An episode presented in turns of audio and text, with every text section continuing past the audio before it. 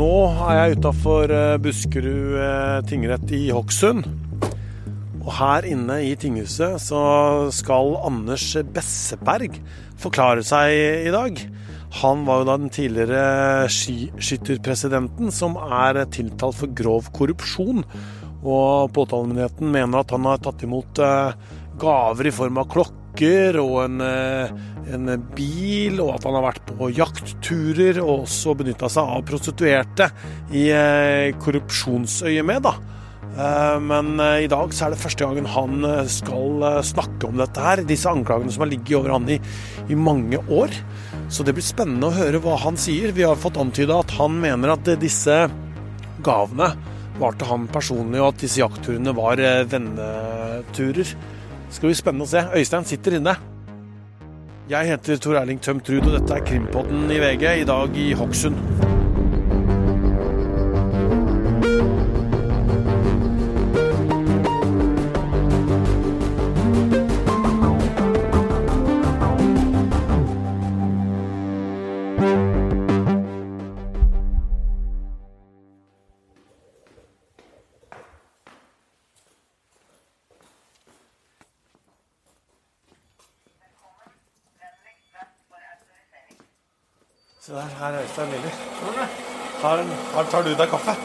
Her tar jeg meg kaffe. Det pågår nå, ikke sant? Ja. Vi går inn og setter oss, da. Vi må det. Jeg må få kaffen min først her. Det er kaldt. Det er kaldt ute. Fin tur. Står på TV, vet du. Det er iskaldt. Vi skal sitte nede. Å oh, ja. Det er nede vi er, ja. Mm. Presserom. Presserom, det, ja. Det er jo, sitter jo en del journalister i salen. men sitter i presserommet. Nå har vi kommet oss inn på et lite rom her, Øystein, etter at rettsdagen i dag er eh, ferdig. Anders Bestberg er jo så å si ferdig med sin frie forklaring, og vi skal komme tilbake igjen til hva han sa. Men helt sånn, først og fremst, hva er det egentlig denne saken handler om? Nei, Kort fortalt så er det jo om uh, Anders Besseberg har vært kjøpt og betalt uh, av russiske interesser og gitt Eh, gitt, eh, fordeler eh, til ja, russere i forhold til arrangementer eller rettigheter, mot at han har fått ulike former for betaling, enten i form av verdier, eller at han har fått eh, stilt prostituerte til sin eh, disposisjon. Det er jo tiltalebeslutning i et nøtteskall. Ja, for Det handler om klokker, bl.a. Han har hatt en rekke klokker som er ganske mye verdt, opptil 200 000 kroner. Eh, det er en bil som han har fått disponert, og så, sånne ting. Pluss da at han har benytta seg av prostituerte, da, mener påtalemyndigheten. Ja, ikke benytta seg av, men, men, fått stilt til disposisjon. Og Så får vi sikkert høre mer om detaljene hva påtalemyndigheten mener har skjedd. Men det Økokrim har vært nøye på, er at det er ikke vesentlig om det har forekommet et samleie eller ikke, men at det har vært stilt til hans disposisjon, og at det i seg sjøl da si, har en sånn anførselstegn verdi da, i denne sammenheng, altså i korrupsjonssammenheng.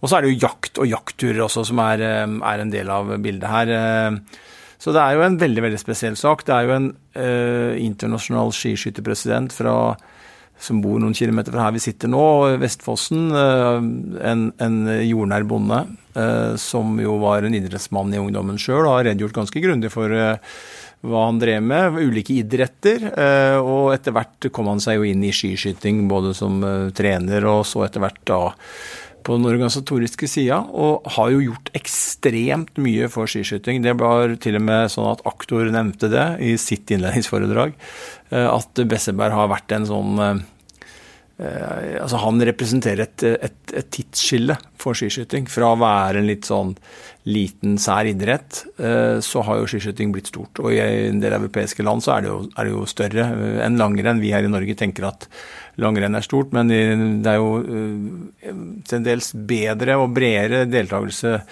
rundt i Europa på skiskyting enn i langrenn. Så, og, det, og jaktstart, eh, for de som er inne i skiskyting, da, så har jo jaktstart og ulike konkurranseformer, miksstafett snakka han om i dag, eh, det er jo noe Besseberg har vært sentral i. Eh, og det er det ingen som kan ta fra han. Han har gått av som president, Men nå slåss han jo for uh, sitt gode navn og rykte og ettermælet sitt. Det fotavtrykket som han har satt i uh, skiskyting, det kan bli tilsmussa hvis han blir dømt for uh, korrupsjon.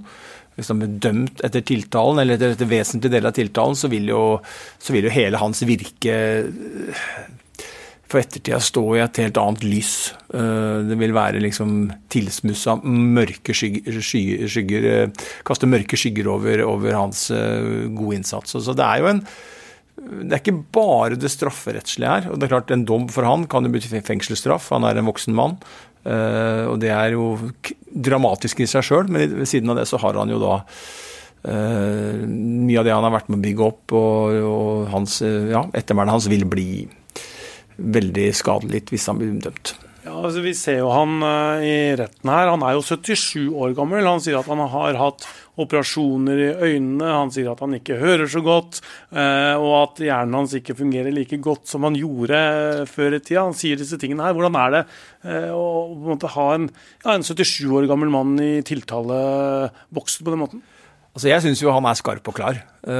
så jeg syns jo han Jeg, jeg veit ikke om jeg hadde huska noe bedre enn han. Uh, lang tidsperiode det handler om, og mange hendelser, mange detaljer.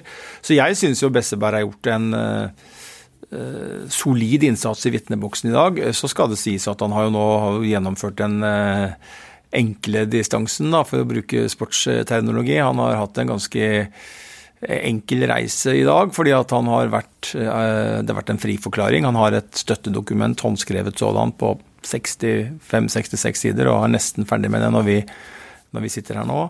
Fortsetter i morgen tidlig med det. Men så starter jo det vanskelige, for da, da, er, da er, det grilling fra Økokrim som venter. Eh, og det er klart at det blir noe helt annet. Nå har han kunnet snakke eh, om det han på så vidt Han har vært innom alle tiltalepunktene og sagt noe om det, men han har jo kunnet valgt litt hva han vil si og hvordan han vil snakke om ting, og hva han potensielt så kan han jo holde tilbake ting uten at vi vet det, men det er jo, det, det er jo den muligheten han har. Når han kan snakke uforstyrra, så kan du jo velge dine ord. Eh, selvfølgelig, sånn er det i alle sammenhenger. Men, eh, men, men når Økokrim begynner, så tror jeg det blir et helt annet et helt annet kjør her.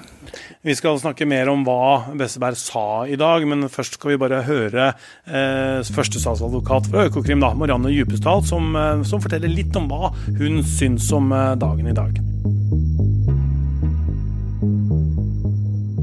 Bare si at jeg kommer ikke til å ha noe spennende å si, bare for å forvente en forklaring. Spørs vel litt på spørsmålet, det, hva? Ja. Hvis jeg kan begynne, Var dere kjent med alt som Bestberget fortalte i dag? I dag har jo tiltalte fått anledning til å, å, forklare seg fritt. Og det er en helt grunnleggende del og en rett man har i en straffesak. Så vi har lyttet til hva han har forklart, og utover det så ønsker ikke vi å kommentere enkeltheter i hans forklaring. Men Kjente dere til det fra, fra før, fra avhør? Er alt dette her eh, gammelnytt, eller kommer med nye opplysninger i dag? Det er ikke naturlig for oss nå å kommentere eh, det han har forklart. Det vil vi komme tilbake til senere under utspørring, og ikke minst under prosedyren. Han avviser jo punktene i tiltalen én for én nedover. Hva, hva, tenker du når han sier dette? her? Tiltalte har jo ikke erkjent eh, straffskyld, og i dag har vi hørt hans forklaring eh, på de enkelte postene. og Det har vi lyttet til. Og så skal vi fortsette bevisføringen i, i dagene som kommer.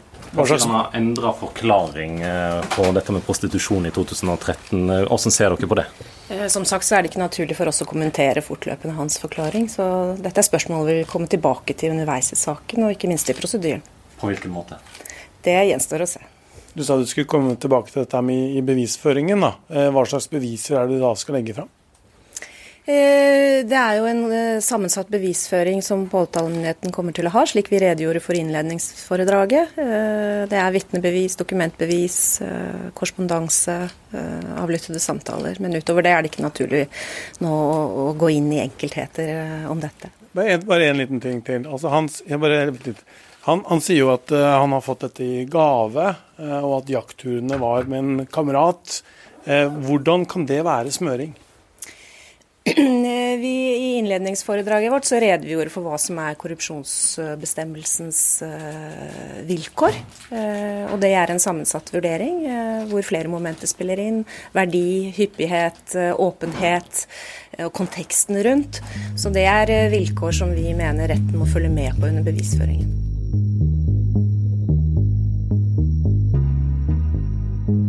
Besseberg kommer jo inn her. Han er staselig kledd. Han går i dressjakke og dressbukse og, og fører jo liksom et språk som, som er veldig sånn respektabelt. Han har respekt for retten. Altså, vi har jo vært i mange rettssaker Øystein, hvor kanskje de som er tiltalte, ikke har akkurat den samme respekten. da. Ja da, Besseberg er jo en uh, bereist fyr. Uh, en kar som har vært uh, i, på internasjonalt toppnivå i en etter hvert ganske stor organisasjon. Det har jo for så vidt også vært et poeng i denne saken. At, og det har han vel tatt både egen på selvkritikk på, men også påpekt at organisasjonen har hatt noen voksesmerter.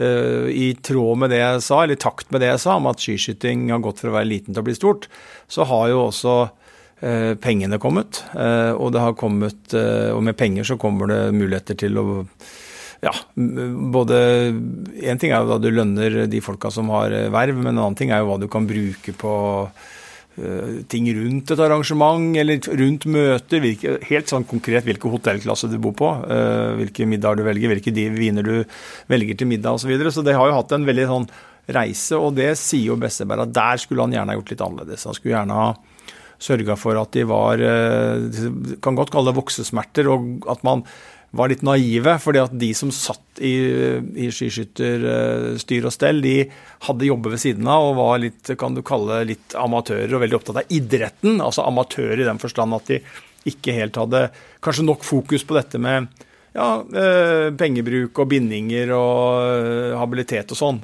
Det skulle de gjerne ha gjort noe med. Kunne godt ha brukt juridisk bistand mer, og også hatt mer enn fått på plass en etisk komité og sånn, så de har hatt et slags kontrollorgan.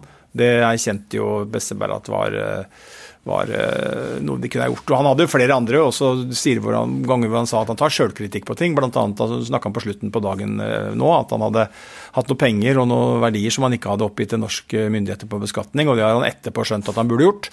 Og da hadde han bedt om frivillig retting av sjølangivelsen. Eh, men han erkjenner jo da ikke straffskyld. Og så er det kanskje greit for de som eh, ikke har fulgt saken tett, da, så tenker jeg det er greit. Det er et skille her. Eh, det er, det, er, fire temaer da, som går igjen. Det er prostituerte, klokker, en bil, en leasingbil, og jakt og jakttrofeer. Når det gjelder det første, prostituerte, så er han helt kategorisk på at det har han aldri fått stilt til disposisjon, det har han aldri vært borti. Og hvis han har vært borti det, han snakka om en episode nå, som han kom inn i et rom hvor det satt to kvinner, og det var en fyr som sa det, 'It's my black and my white friend' eh, om de to damene. Så sier han at eh, liksom, han kunne ikke vite hva, hva, de driver med, men han har aldri forholdt seg aktivt eller visst eller skjønt at det har vært noen, eh, og avviser kategorisk at han har fått uh, tilbud om seksuelle tjenester. Så der er liksom, den ligger helt uh, parkert der ute for han. Uh, når det gjelder bil og klokke og jakt og jakttrofeer, så eksisterer det, for å bruke det uttrykket. Uh, han fortalte jo bl.a. i dag om et eh, det var vel et svært hue på en var det en hjort da, som hadde kommet uh, utstoppa etter at han hadde felt en diger hjort som hadde sett sine beste dager. og Så hadde den uh, blitt felt et sted, og så hadde den plutselig dukka opp på et verdenscupstevne. ferdig. Ja, han hadde skutt den i en jakt, og så plutselig så dukka det hodet utstoppa opp da, neste gang de møttes. Ja, så det var, og det var helt uforberedt på. Så der mener han at han handla i god tro, hvis Økokrim mener at det er en en korrupsjonsaktig handling. At han har fått da, dette, preparert dette dyrehodet etter den jakta. Vi får høre mer om dette. så Det må jeg også si og presisere nå at vi, vi sitter her på dag to, og, og måte, vi vet jo en del, og mye har blitt sagt. Men, men, det er jo på en måte bare så vidt man har åpna, åpna den esken med bevis og påstander og dokumentasjon som kommer til å komme da. Vi ja, Du nevnte dette med prostituerte. ikke sant? Han uh, hadde da kommet inn i et rom hvor det satt kanskje to kvinner som han ikke ante var det.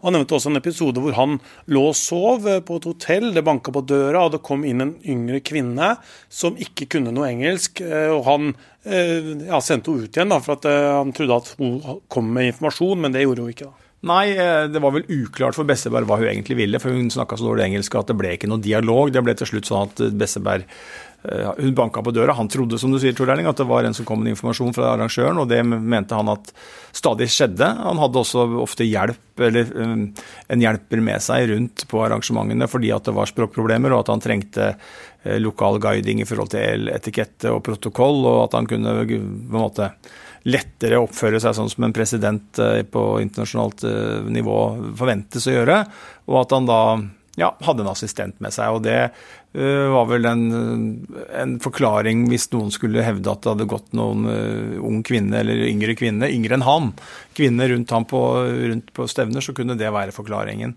Uh, og så var det jo Nei, så han hadde jo fått henne ut av rommet på etter en to-tre minutter. Han avviser jo kategorisk at han én visste at det eventuelt var en som kom for å tilby seksuelle tjenester, og to han avviser kategorisk at det hele tatt skjedde noe tilnærmelser eller noe spørsmål om seg, den type ting. Eh, og så hadde han, eh, så hadde han også en episode som egentlig ble nummer to i rekkefølgen, men som blir tre for oss nå. og Det er jo en i et uh, verdenscuphelg uh, i Hockfilsen i Østerrike, så hadde han spist en middag på et, eh, på, et, eh, ja, på anlegget, inne på en restaurantdel i anlegget. Og der hadde han da eh, kommet inn i et rom, og der satt det to menn eh, og to kvinner.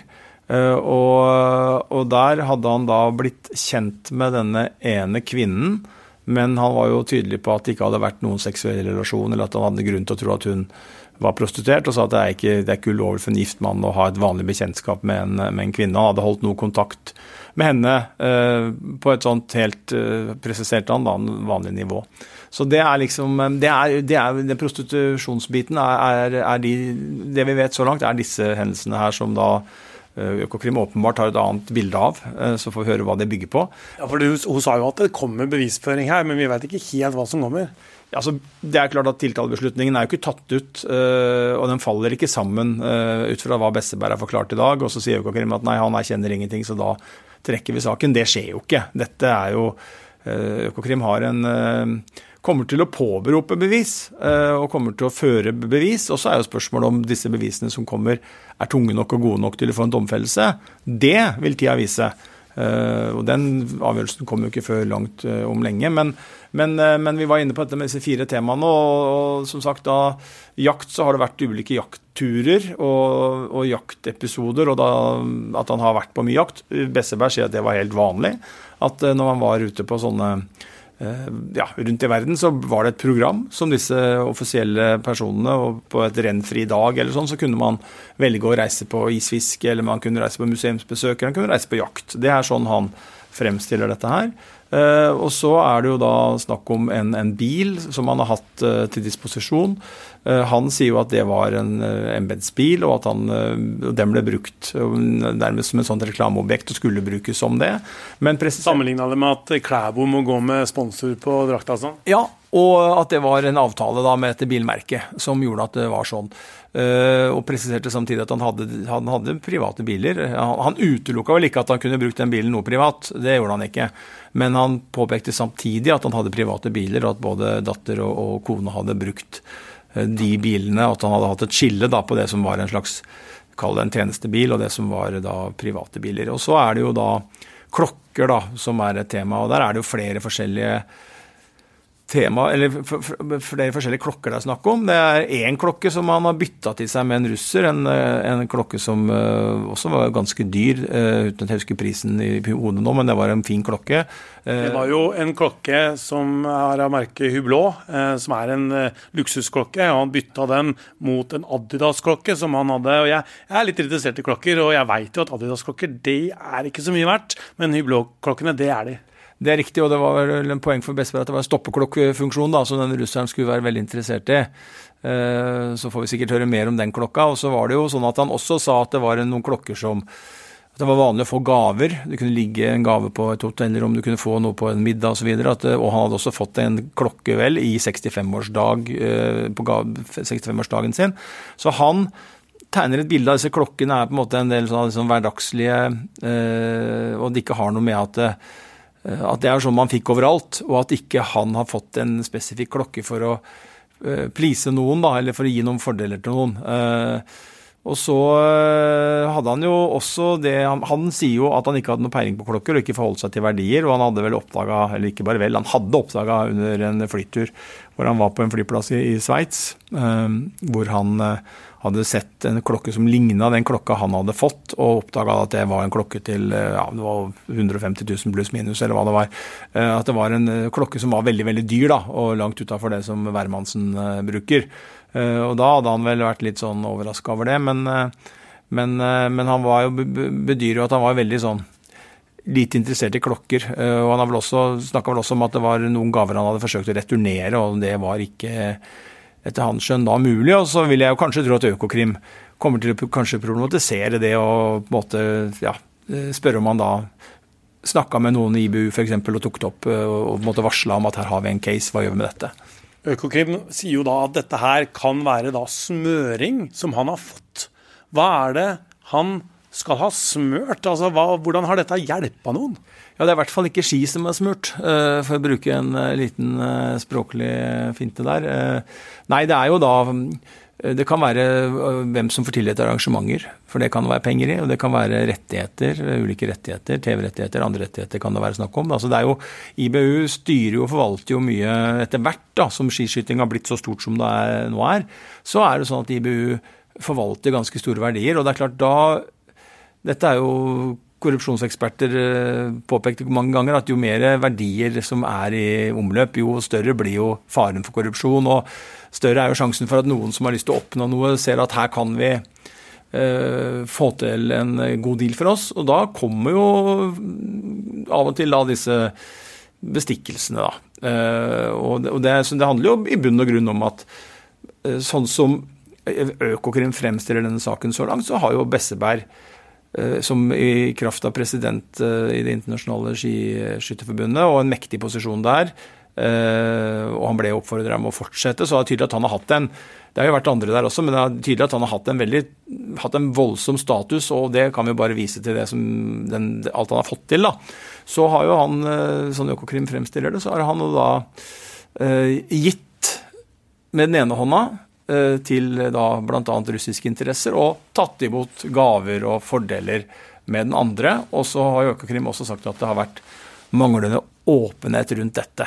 Eh, og det vil jeg jo tro bl.a. når det gjelder at han sier at han forsøkte å returnere noen gaver som da kan Hvis det viser seg at det er en korrupsjonslink der, da, så vil jo det kanskje være et tema at du da bør eh, varsle fra ordentlig om at jeg har fått noe her som jeg måtte en måte vil snakke med dere om, og ta det opp og få det opp frem i lyset, så ville kanskje det ha stilt seg annerledes eh, hvis hvis Økokrim hadde funnet ut at det hadde skjedd. Og så er jeg veldig spent på hva, hva altså, vi, vi, er jo på dag to nå. Vi har jo hørt en sånn litt sånn summarisk opp eller ikke oppsummering, men en gjennomgang fra Økokrim sin side over hva saken handler om, sånn helt grovt sett. Og så har vi hørt Bessebergs eh, enetale. Eh, og der står vi nå, så det er jo liksom eh, de neste ukene det virkelig tar av. Vår kollega Christian Torkelsen han snakka med Bessebergs forsvarer Christian Bonnevie Hjort om forklaringen som Besseberg eh, holdt i dag. Da. Hvordan opplever Besseberg å forklare seg her i dag? Eh, jeg tror han syns det er fint å få anledning til å forklare seg i sammenheng om hele tiltalen og bakgrunnen for den, og omsider få komme med Eh, sin eh, versjon av de faktiske forhold. Hvordan har han opplevd den versjonen som har kommet fra andre sida? Nei, Han har eh, følt seg forhåndsdømt, og han har følt at det har vært en rekke beskyldninger mot han som har vært grunnløse. Og som det har vært uh, umulig for ham, og ikke ønskelig heller, å prøve å imøtegå uh, så lenge saken har vært under etterforskning. Hva har han reagert sterkest på? Han har jo reagert uh, veldig på de kraftfulle beskyldningene som har utspring i anklagene om at han skal ha mottatt store kontantbeløp mv. for å påvirke dopingarbeidet i russernes favør. Det har vært en kjempebelastning for ham å, å høre.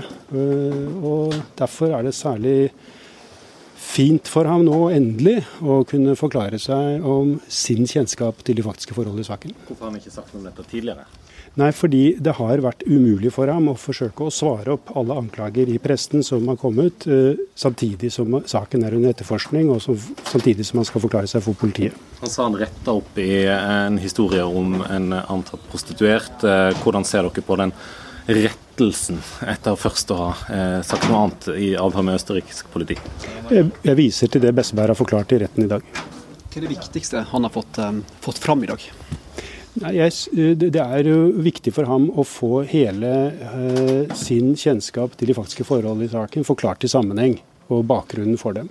Så det er hele, det er hele, hele forklaringen hans blir veldig viktig og sentral i bevisførselen. Med tanke på klokkene han har fått, uh, vitneobservasjoner sier at han, han skrøt av klokkene sine. Står det i stil med det han forklarer i retten, føler du? Dette er spørsmål som vil komme opp i de kommende dager, og som han skal besvare da har han gitt hele bildet til uh, politiet tidligere. Han deltok i noen avhør fram til 2021. Eh, Besseberg har forklart seg omfattende til politiet over tre eller fire avhør og to uh, skriftlige forklaringer. Så dette er ikke nytt for dem, det som kommer fram her? Det aller meste er dekket gjennom forklaringene. ja.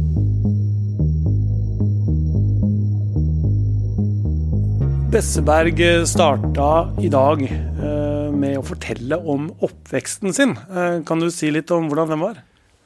Ja, det var eh, en eh, ja, Det var en oppvekst på landsbygda i Norge på hva blir det, 50-tallet, hvor han jobba ut fra han var en seks-sju år.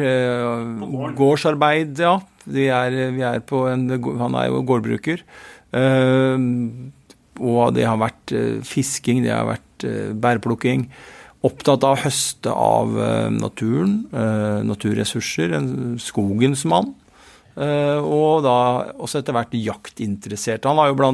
tatt med seg det var vel ti orrfugler, tror jeg, som han hadde hatt med seg til utlandet en gang og, og måtte tilberedt og noen av de kontaktene sine. Så han har vært veldig opptatt av det. og det er klart at det, det er jo denne saken har jo mange kontraster, og en kontrast er jo eh, og det er ikke noe gærent i det, bare så det er sagt, men det er klart at det er jo uavhengig av denne straffesaken, så er det jo kontrastfylt å høre hvordan IBU etter hvert har utvikla seg til å bli en ganske sånn eh, ja, stor organisasjon med ganske sånn høy standard på ting. Eh, så står det litt kontrast til den eh, gårdsmannen som eh, er på Vestfossen. og det er klart at det er, Men det er idretten full av. Det er mange av de trauste både menn og kvinner som måte, har starta der og blitt uh, seilt opp i systemene. Altså det er jo, ja, så, så, Men det er, jo, én kontrast. En annen kontrast er jo at vi sitter i en Skal ikke si noe gærent om Hokksund og ikke noe gærent om rettsbygningen der, men jeg har vært i den rettsbygningen her eh, mange ganger, og den er ikke ny, Eh, og den er ikke stor. men her går altså da Eh, en av de største korrupsjonssakene i ja, det må jo være i norsk idrett, ja. Jeg kan ikke huske noen eh, som ligner på den. Og jeg tipper at det, sånn i forhold til det vanlige europeiske eller eh, verdensomspennende idrettssakene, eh, da, så er det klart det finnes jo land hvor det er mye som foregår. Men hvis vi tenker den, der, den idretten vi kjenner til her fra Norge, så er det jo vil jeg tro, en ganske unik sak at en president Men det har jo for all del vært store korrupsjonssaker i fotball og sånn, så det er ikke, det er ikke at han er ikke vi er ikke der, men, men likevel så er det, det er liksom veldig spesielt at uh, dette uh, Ja, det er uh, dyre klokker, dyre biler, påstander om prostituerte og svære jakttrofeer liksom, som møter enkle rettssalskår i Hokksund. Og en enkel mann fra Vestfossen. da, ikke sant? Han er nøysom, kommer fra en gård, kommer opp i dette systemet her og møter Russland. Russerne blir jo et kjempetema her, og særlig da Aleksandr Tikhonov, ja. som har vært med i IBU og også prøvd å bli president der. Og dem, det, samarbeidet eller ikke-samarbeidet mellom de to er jo et tema her. da. Ja, det er jo, det er jo Jeg så jo ikke øya på, på um, Besseberg, eh, for han sto med ryggen til da han snakka om det. men Eh, jeg ser for meg at han godt kan ha fått et lite svart drag i øya, for han var ordentlig forbanna på, på Tikhonov. Han var Uh, han sa jo at han uh, hadde kommet med noen trusler en gang, bl.a. i forbindelse med en at, norske, at utøvere kunne, vurdere, nei, kunne, risikere å ikke komme inn i, i Russland. For problemet med grensepassering ut eller inn, så måtte de få en garanti fra, fra myndighetene der på at det skulle gå bra. Uh, han hadde også en bil, uh, fått registrert en bil hvor det sto IBU1, var det vel. Og det var Besseberg uh, irritert over. Det var jo han som var nummer én i IBU. Og han visste jo veldig godt at den russiske rivalen hans ønska å bli nummer én. Så der var det, det er hund og katt-forhold. Og det snakka jo Besseberg mye om. Og så Eh, er jo det temaet. For det spørsmålet er om det har vært bare et hund- og kattforhold, eller om det har vært noe annet der også. Da. Det vil jo denne saken belyse. Men kan, kan russerne på en måte vært eh, uvenner eh, opp igjennom, og det har vært forskjellige interesser, og så har det skjedd et eller annet som gjør at Besseberg ikke tør å si imot dem allikevel? Det, det, er jo selvfølgelig mulig. og nå er det jo, Hvis vi snakker helt generelt, så er det jo, er det jo alltid altså, Historien er jo ikke full av, men det har jo skjedd at og kanskje særlig menn, eh, men setter seg i en sårbar posisjon. Du gjør noe som gjør at noen får tak på deg. Og Det er jo, det er jo mange yrker hvor du blir innprenta i at du, du, skal aldri gjøre det, fordi at det kan føre helt galt av sted. Og så vet vi jo ikke hva som er bakteppet her, men vi vet jo at russere har rykte på seg for å i denne sammenheng kunne være, være ganske målbevisste. Uh, og Eh, men samtidig så, så altså Besseberg han eh, framstår som han har tatt både én og to og tre kamper og stått i noen stormer. Altså. Så jeg, jeg, tenker at uh, det var en offensiv mann i vitneboksen, og han har ordet i sin makt. Og selvfølgelig, dette er en, dette er en erfaren uh, idrettsleder på høyt, høyt nivå, internasjonalt nivå. Så så er, det, blir, det, blir, interessant å høre en utspørring vel, og den, ja, når Økokrim, som nå faktisk går ut av rettslokalet når vi sitter og prater her nå, eh, det teamet da skal begynne å stille spørsmål, så tror jeg ikke det blir noe De kommer til å møte motstand. For enda mer bakgrunn da, så kan man høre podkasten 'Skandalepresidenten', som jeg veit mange allerede har hørt. og Det var egentlig der jeg også fikk liksom skikkelig interessen for denne saken, her, og derfor vi er her i dag. Det er jo liksom en, en så stor korrupsjonssak som vi ikke har hatt i Norge før, eh, i idretten i hvert fall. Og, og at Litt annerledes for Krimpodden, da.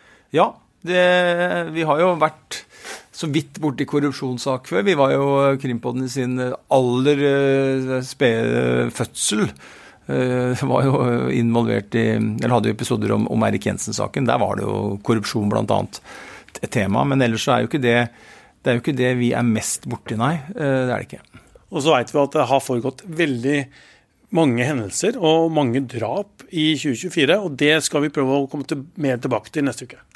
Ja, det skjer eh, ting mens vi sitter i retten, så skjer det dramatiske ting på, si, på, utsida av den bobla vi befinner oss i. Um, det har vært mange drap, og det har jo vært uh, flere av de har jo vært, om vi ikke kan kalle det partnerdrap, for det er det ikke, men det har vært det har vært kvinner som har blitt drept av menn som de har hatt en eller annen form for Eh, ja, relasjon eller kontakt med, som gjør at eh, jo, det raser en voldsom debatt rundt eh, det å kunne trygge og beskytte kvinner mot voldelige menn. Og så har det også vært et drap nå det siste. Det var jo da, sånn som politiet ser det, en mann som har drept en annen mann, som vel skjedde i Bergen. Så det har vært en dramatisk start på nyåret, og det skal vi selvfølgelig se på.